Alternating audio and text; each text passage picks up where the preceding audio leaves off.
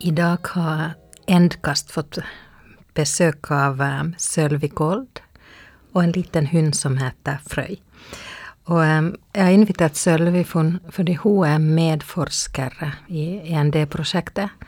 Og så er du etterlatt mamma. Ja.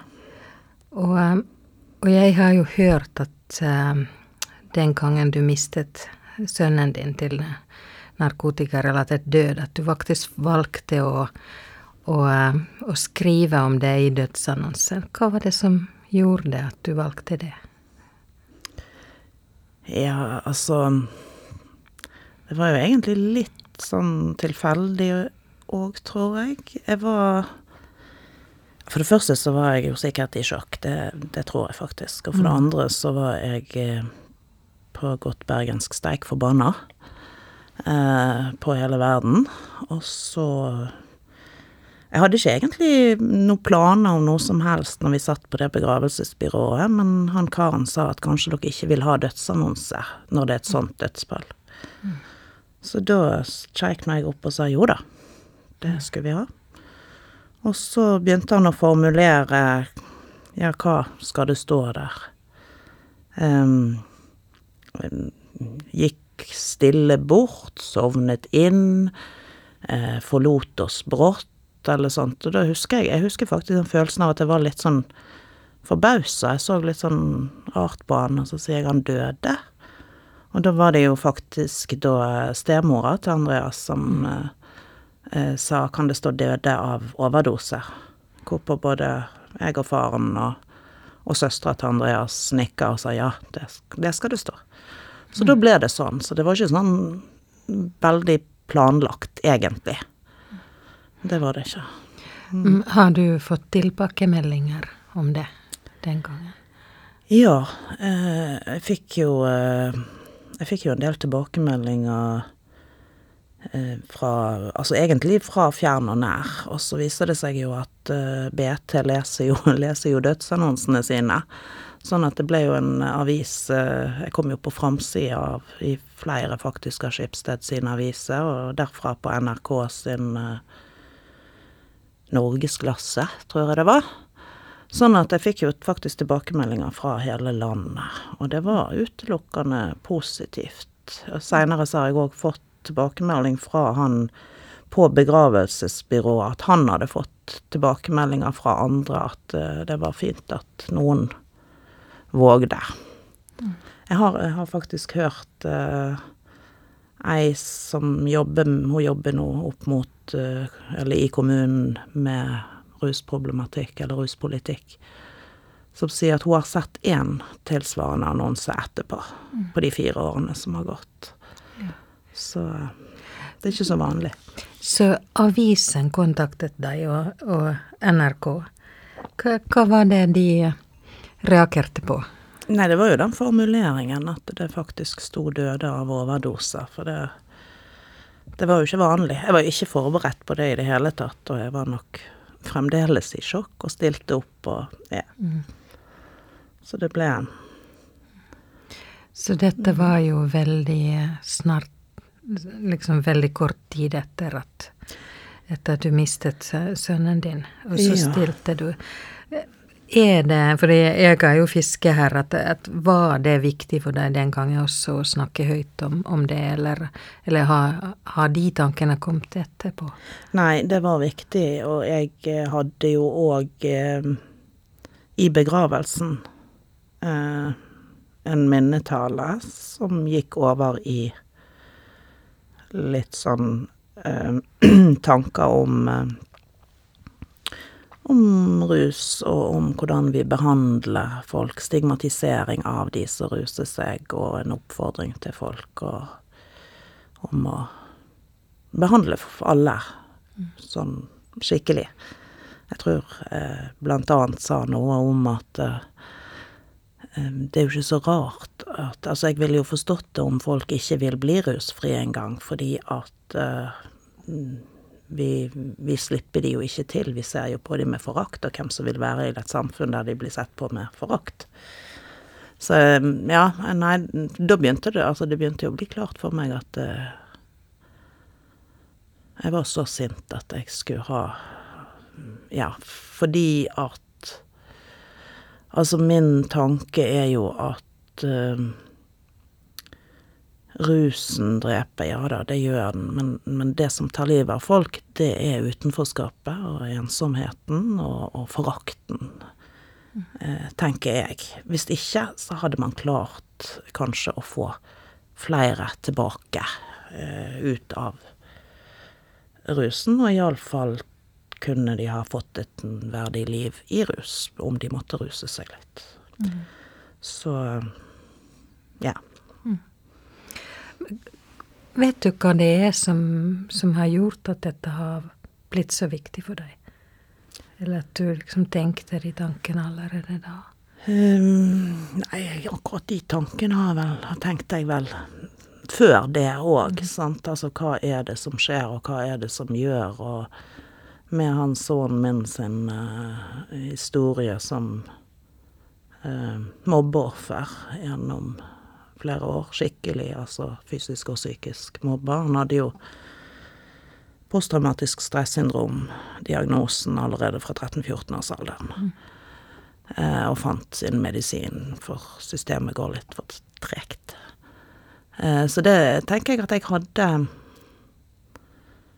Jeg hadde jo tank, de tankene før det, og, og, jeg vet ikke, det var viktig for meg. For det er for Det som var viktig, det er jo at folk skal skjønne at det er et menneske, eh, på godt og vondt, som Altså, rusen er bare en bit. Det er ikke Og så var det noe med òg at det siste han sa høyt til meg etter at han hadde sagt god natt og gikk ned og la seg, han døde hjemme på, på rommet sitt, eh, det var han snudde seg i trappa, og så så han på meg, og så sa han mamma, jeg er så lei av å bare bli sett på som rusavhengig.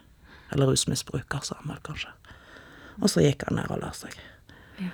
Eh, og det, det er noe med den at det er faktisk ingen som er bare verken rusavhengig eller kreftsjuk eller psykolog. Altså Ja. Så nei, jeg var godt sint, og sannsynligvis fremdeles i sjokk. Jeg tror jeg var i sjokk ganske lenge når jeg ser tilbake.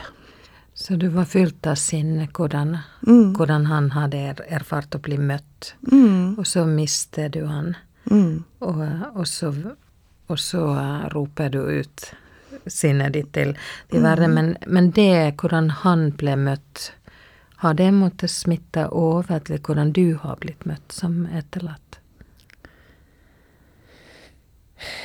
Nei, ja det, Ikke i veldig stor grad. Jeg vet jo, altså Og ikke egentlig etter at han har vært død. Lite grann. Har jo, det har jo vært noen episoder med med folk som helt tydelig har tenkt at det var nå kanskje det beste, og, og, at han ikke var noe eh, så helt verd å sørge over, da. Men, men, eh, men, stort sett Jeg har veldig mye gode folk rundt meg, så mm. stort sett så har jeg eh, fått gode tilbakemeldinger. Kanskje litt annerledes uh, mens han fremdeles levde, altså. Uh, jeg vet ikke, når det er snakk om død, så kanskje folk i hvert fall har vært nok til å tie stille. Litt mer enn uh, enn når Men som mamma til en rusavhengig, så fikk jeg jo en del gode råd om å kutte han ut og be han ta seg sammen og ikke Ja. Mm. De tingene. Mm. Men som etterlatt så, så har du blitt stort sett møtt. Yes. møtt uh, ordentlig. Jeg leste jo kronikken du, du ganske nylig mm. har gitt ut. Hva, hva var nå overskriften i kronikken? Du skrev den sammen med Kari Durekrov. Ja, um, hva var overskriften der, ja? Vet du hva, jeg klarer ikke å huske hva Nei, overskriften var. var. ikke så nøye. Folk kan jo se, men det var i Bergens Tidende, i hvert fall. Ja. Men, men der eh, tar du ordet litt og prøver å hjelpe folk kanskje å finne måter og hvordan møte etterlatte. Ja, eh, for det er jo Og det er jo en annen ting som jeg tenker med dette å være åpen, at eh, Og òg med Ja, altså hvis min story og hans story kan hjelpe noen, så eh, er jo det flott hvis noen andre kan Altså at det kan jeg, Og jeg har jo tro på åpenhet som noe som kan være til hjelp for folk. Både for meg og for kanskje andre òg. Og jeg vet at Andreas hadde òg satt pris på at hans fortelling kan komme noen andre til gode, eller noe. Men eh, ja, altså i END-prosjektet så eh, kommer det jo fram en del fortellinger om folk eh, som Og andre studier òg, de få som finnes. Om at folk blir møtt med i beste fall misforstått uh, ytringer. Eh, ja. Som den som jeg Eller de som jeg skrev om. Eh, der og andre ting. Kommentarer som at eh, eh, Det er jo ikke noe å skamme seg over. Altså Nei. Hvorfor skulle det være det? Men det er jo helt tydelig at den som sier det, tenker tanken. Ja, Altså, det, det blir jo litt sånn hvis du sier 'ikke tenk på sjokolade', så er det sjokolade du tenker på. ja. Sant? At, eh, at en, en del etterlatte Du har ikke selv erfart det, men en del har erfart at eh, eh, at, at folk møter dem med sånne utsagn at, at du trenger ikke å skamme deg, og, og, og det Ja, kan da det- få de til Ja, Nå skjønner. blir sikkert bedre for deg òg nå når han er død, så du slipper Jo, jeg har opplevd det. Det har jeg. Men ikke i veldig stor grad. Det har jeg ikke. Men jeg har opplevd noen episoder som har vært eh, nesten litt traumatiske. Mm. Orker du å fortelle en, en sånn episode? Hva sånn Nei, altså det Jeg vet ikke, det står jo om en eh, Alma i, i kronikken. Og den ene Alma-historien er jo meg. Så eh, hun som ble overfalt på butikken av en som hun egentlig ikke kjenner. Eh, som da kommer med noen sånne voldsomme med høy stemme, og mens køen vokser bak meg i kø i kassen der, og, og kommer med en del sånne utsagn som at uh, Guri, der er du, og du har hatt det tøft, og jeg har tenkt sånn på deg, og Å ja da, men nå også med en sånn sønn, da, du Sant, og Men nå kan du nå slappe av, og tross alt så valgte han det jo sjøl, og litt sånn, så mm. så ja. Det var den drøyeste. ja. Ja.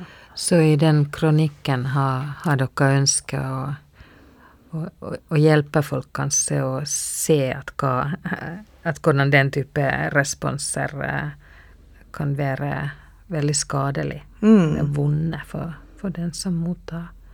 ja, det gjør jo ikke ting bedre at eh, Altså, man Man kan jo sitte igjen med en følelse av at man har egen Altså, det er egentlig ikke sosialt akseptert å sørge. Fordi at han var ikke noe å sørge over. Uh, vet jeg at noen har opplevd, uh, eller tolke ut av sånne ting. Av sånne opplevelser. Uh, og det er klart at, som jeg, sånn som jeg sa i sted, så er det jo ingen som er bare noe som helst. Altså, det er jo et helt menneske som er dødd, ikke bare en rusavhengig eller bare en mm. Man har jo mistet, for mitt vedkommende, et barn som man har oppdratt og sett vokse opp. Og det er ikke bare bare. Nei, Nei. det er ikke bare bare.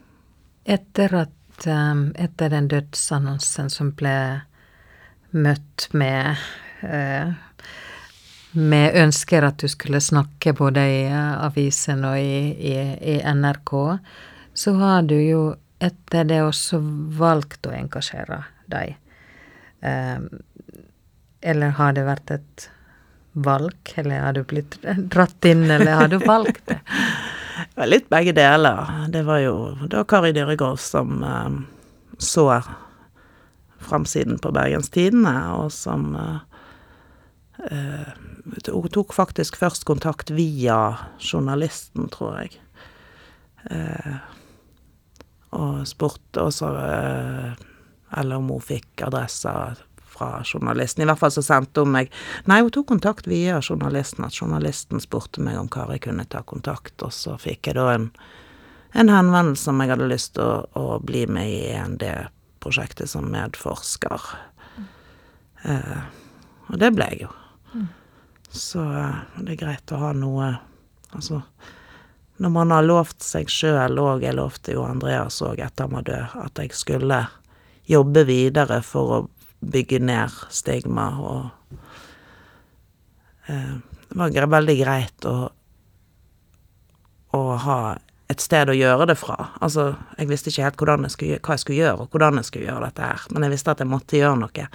Så for meg så var det jo litt sånn takknemlig eh, at hun tok kontakt, for da tenker jeg yes, der kan jeg faktisk kanskje bidra. Så du hadde lovet til han?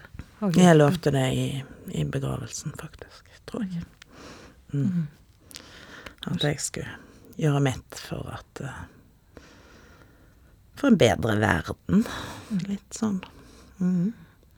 Ja, Det var det jeg satt og tenkte, at det hørtes ut at du gjør dette for han Ja. Og for meg. og for deg. Mm. Ja. Men jeg gjør det nok eh, i stor grad for han. Mm. Og han var jo òg en sånn type som eh, Som eh, på en måte kjempa litt for en bedre verden. Han var en veldig omsorgsfull gutt som gjorde eh, ofte det han kunne for å ta vare på andre i de periodene han kunne. Det var jo perioder han var jo så full av angst og deprimert at han kunne ikke ta vare på seg sjøl engang. Men uh, han gjorde Ja. Så uh, jeg fortsetter litt på det. Hva tror du han han hadde tenkt hvis han hadde sett deg og gjøre alle disse disse kronikkene og Mm. Jo, jeg tror, eh, jeg tror nok han hadde likt det. Det er jo ikke helt sikkert at han hadde vært 100% enig med meg i alt. Eh, men eh, jo, jeg tror, jeg tror nok at han hadde vært litt stolt av meg hvis han hadde sett Altså, for jeg har jo òg hatt en utvikling em, Altså, jeg, jeg forstår jo mye mer. Jeg har jo snakka med mange og sett mange og eh, Og da tenker jeg i forhold til, til selve rusen og, og de tingene, at jeg forstår eh, mer dynamikken i, i den biten òg, ikke bare frustrasjonen til de pårørende. Mm. Så ja. hva, hva er det du har forstått mer? det er sikkert et svært spørsmål. Ja, det er et går det an å gi noe? Nei, jeg vet ikke. Altså, man er jo gjerne frustrert og eh, fortvila og føler seg maktesløs og alle disse tingene her eh, når man er pårørende. Eh, og det, det er jo greit nok, men jeg har liksom Jeg har brukt tid til å snakke med en del andre som ruser seg, og forstått mer av eh, Altså, hvorfor er det så vanskelig, og hva er det som gjør at når det skjer noe fryktelig, eh, eksempel at en kompis dør eller et eller annet, så ruser man seg mer. Altså, den logiske er jo at da må man jo skjønne at dette er farlig. Men det, altså det, det skjønner man jo. Men altså, det er andre, en annen dynamikk som ligger til grunn. Jeg vet ikke. Jeg eh, Jeg vet ikke. Det er vel eh, sånn at uansett hva som skjer i livet, så modnes vi, men det ble liksom en sånn uh, fortgang, fortgang i det for meg. Mm. Ja. Jeg vet ikke helt hvordan jeg skal si det. Så du var på det først? Jeg, jeg, jeg er kanskje blitt en rausere person, Ja. Hvis jeg kan si det sånn. Og det er ikke Altså Det er um, Det er mye som ikke er så nøye lenger. Som før kanskje betydde noe. Altså sånn uh, Egentlig alt av materielle ting og Og en del andre ting òg. Altså det, det er liksom eh, Det er ikke så farlig. Det som er viktig, det er at folk meg sjøl og folk rundt meg har det bra. Det tenker jeg er Ikke sånn at jeg er blitt en geléklump som ikke det motstand er, altså. Det er jeg ikke. Men uh, det er en del ting som ikke betyr så mye lenger.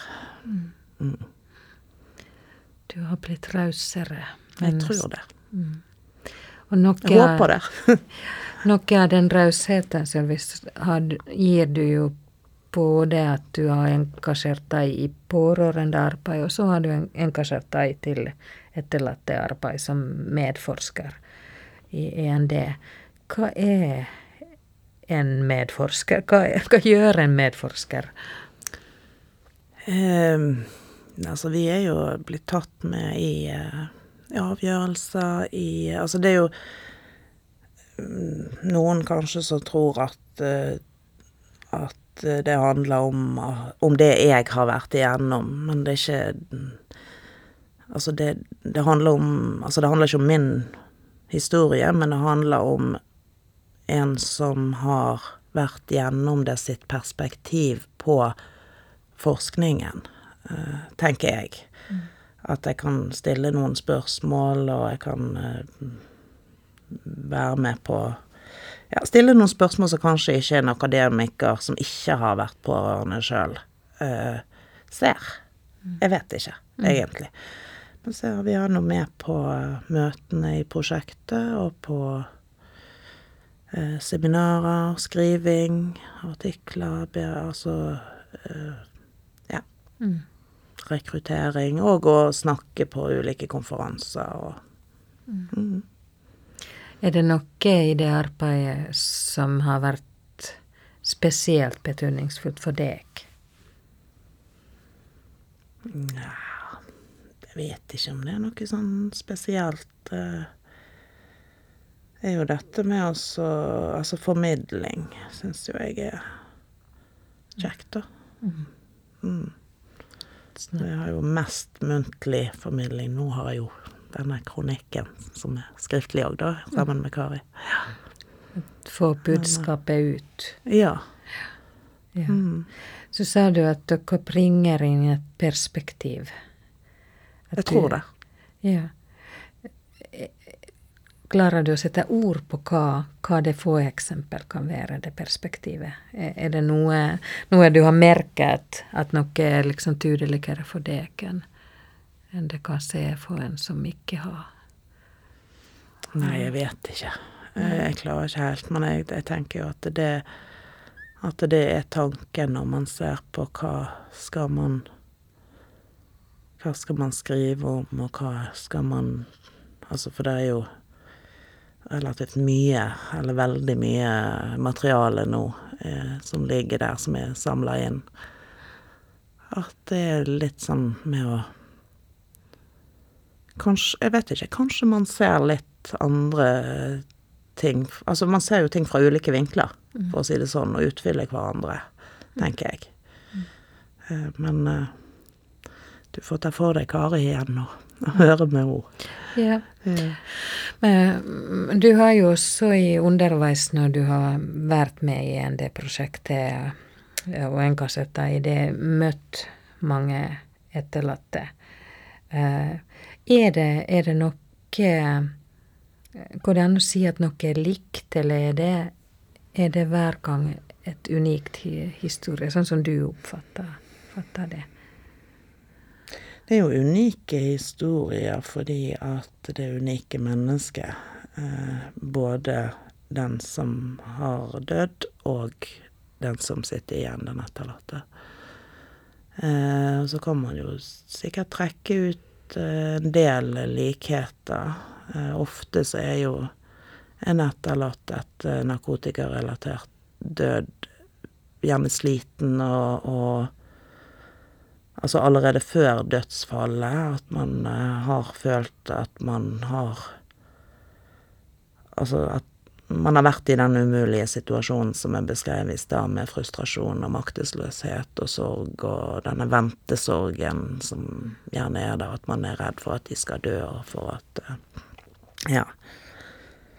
Men samtidig så er også det denne stigmatiseringen som Og selvstigmatisering. At vi tror jo kanskje at samfunnet er mer stigmatiserende enn det er, på en måte, altså hvis du skjønner. Altså hvorfor er hvorfor er det mine barn som ikke går på universitetet? På en måte. Altså vi stiller gjerne spørsmål, vi har gjerne Altså man lurer på har man gjort noe feil, har man Ja. Så jeg tror en del sånne ting er felles, eh, også I hvert fall sånn litt. Jeg vet ikke, men jeg tror nok at det er en del sånne trekk som kan, i større eller mindre grad, trekkes ut. Men så er vi jo som sagt, vi er jo individer. Klart det, og, og, og den avdøde er også Altså det kan jo være svært forskjellige situasjoner fra å overdose til, i ung alder til, til en langvarig rusutfordring som ender med at, at kroppen ser Mm.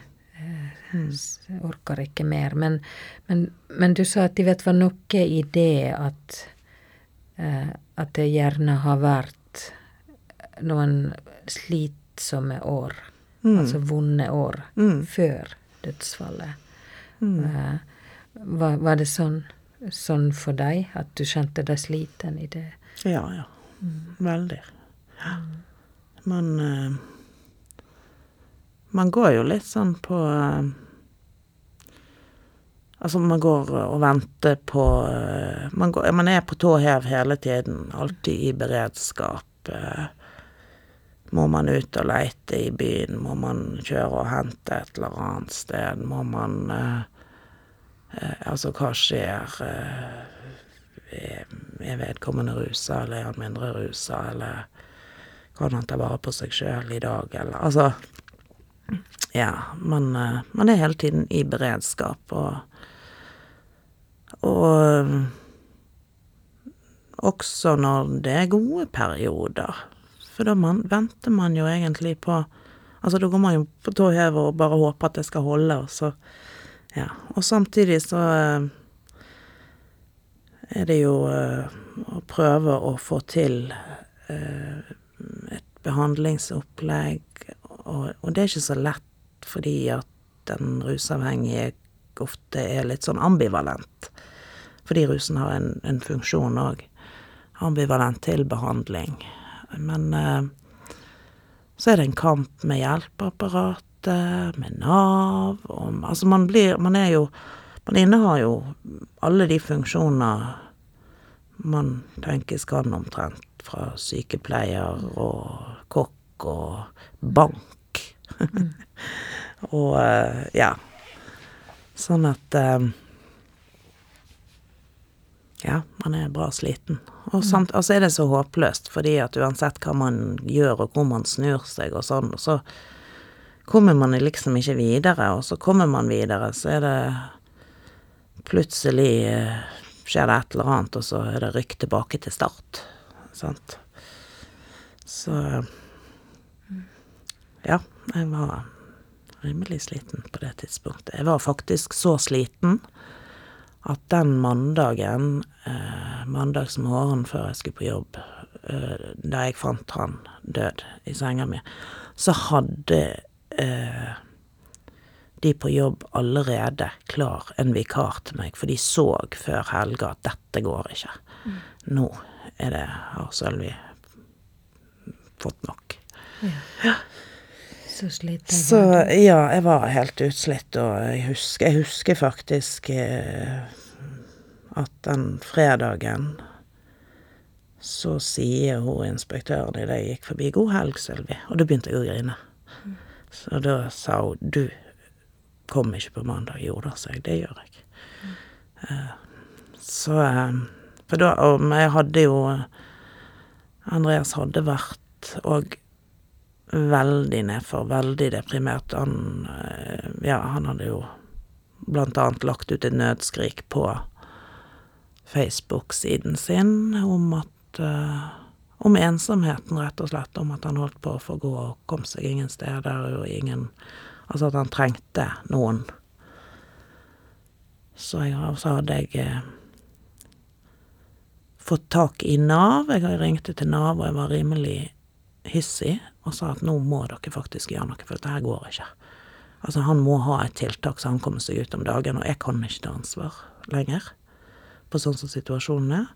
Og så viste det seg, og det Altså, jeg har jo jobba innen eh, barnevern sjøl nordpå og sånt, nå jeg slutta akkurat før de gikk sammen til Nav, alle disse eh, sosiale og, og trygdekontor og gjengen.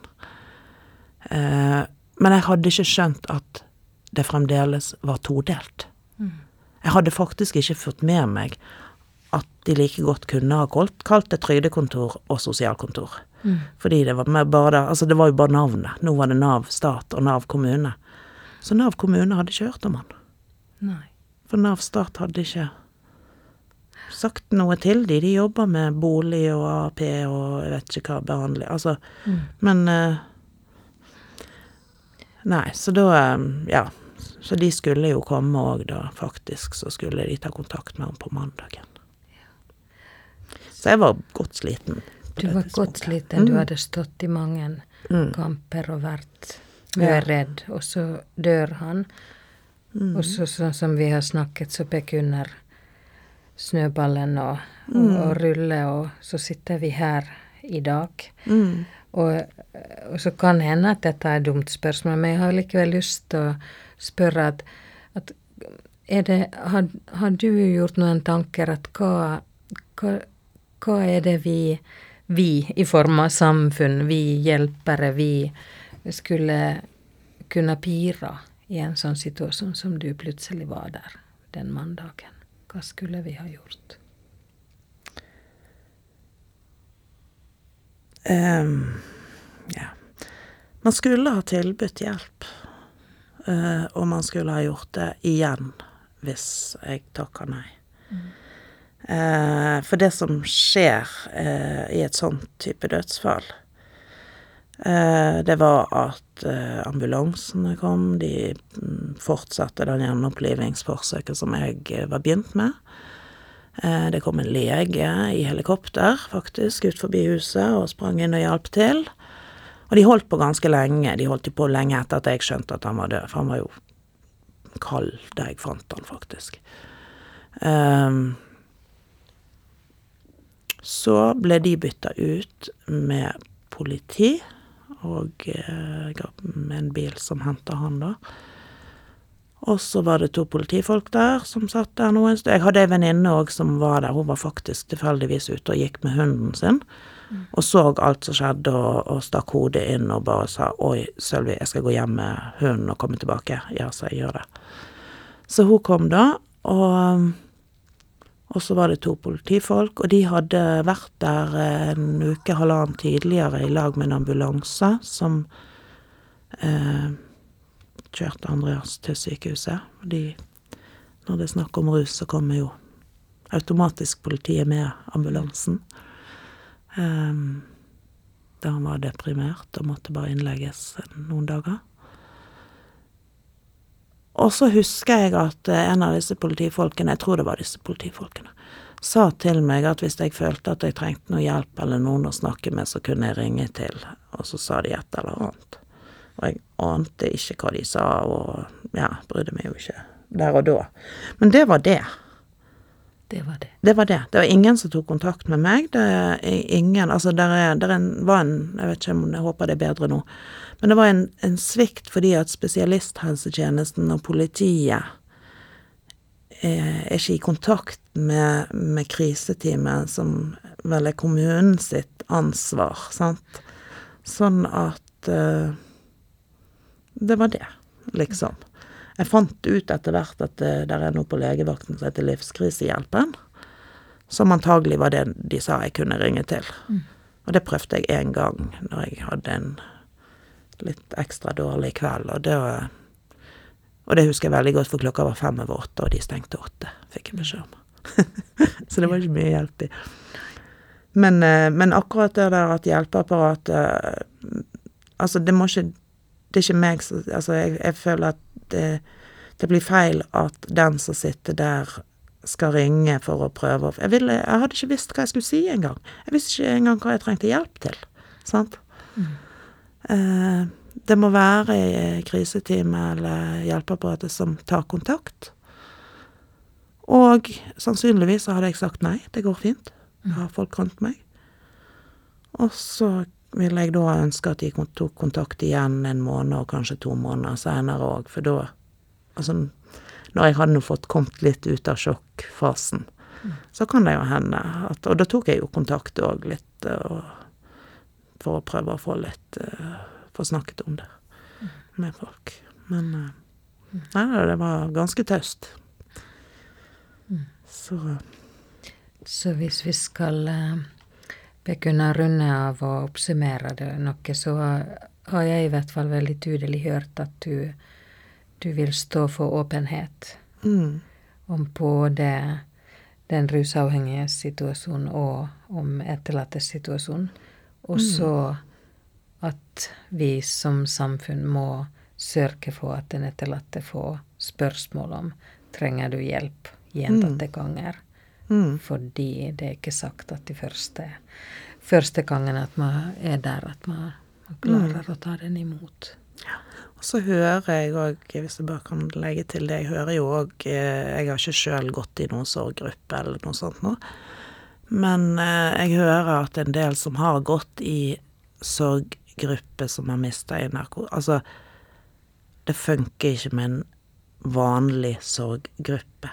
Altså, det, det bør kanskje være egne grupper for denne type dødsfall, fordi på grunn av alt det som ligger forut for, for dødsfallet, rett og slett. At det, er de de opplever, har ikke opplevd å, å bli forstått i en vanlig sorggruppe. De, nå er det ikke veldig mange jeg har snakket med, men jeg har nå vært tre-fire stykker som, som har prøvd den. Mm. At den, eh, den spesielle sorgen Ja, det er en spesiell sorg. Mm. Tror jeg. Tusen takk, Sørvi. Eh, takk for at du kom. Og, og Frøy har jo vært så stille. Jeg har ikke sagt en pip. Men, eh, men eh, Nei, ikke så mye lyd ord. takk skal du ha.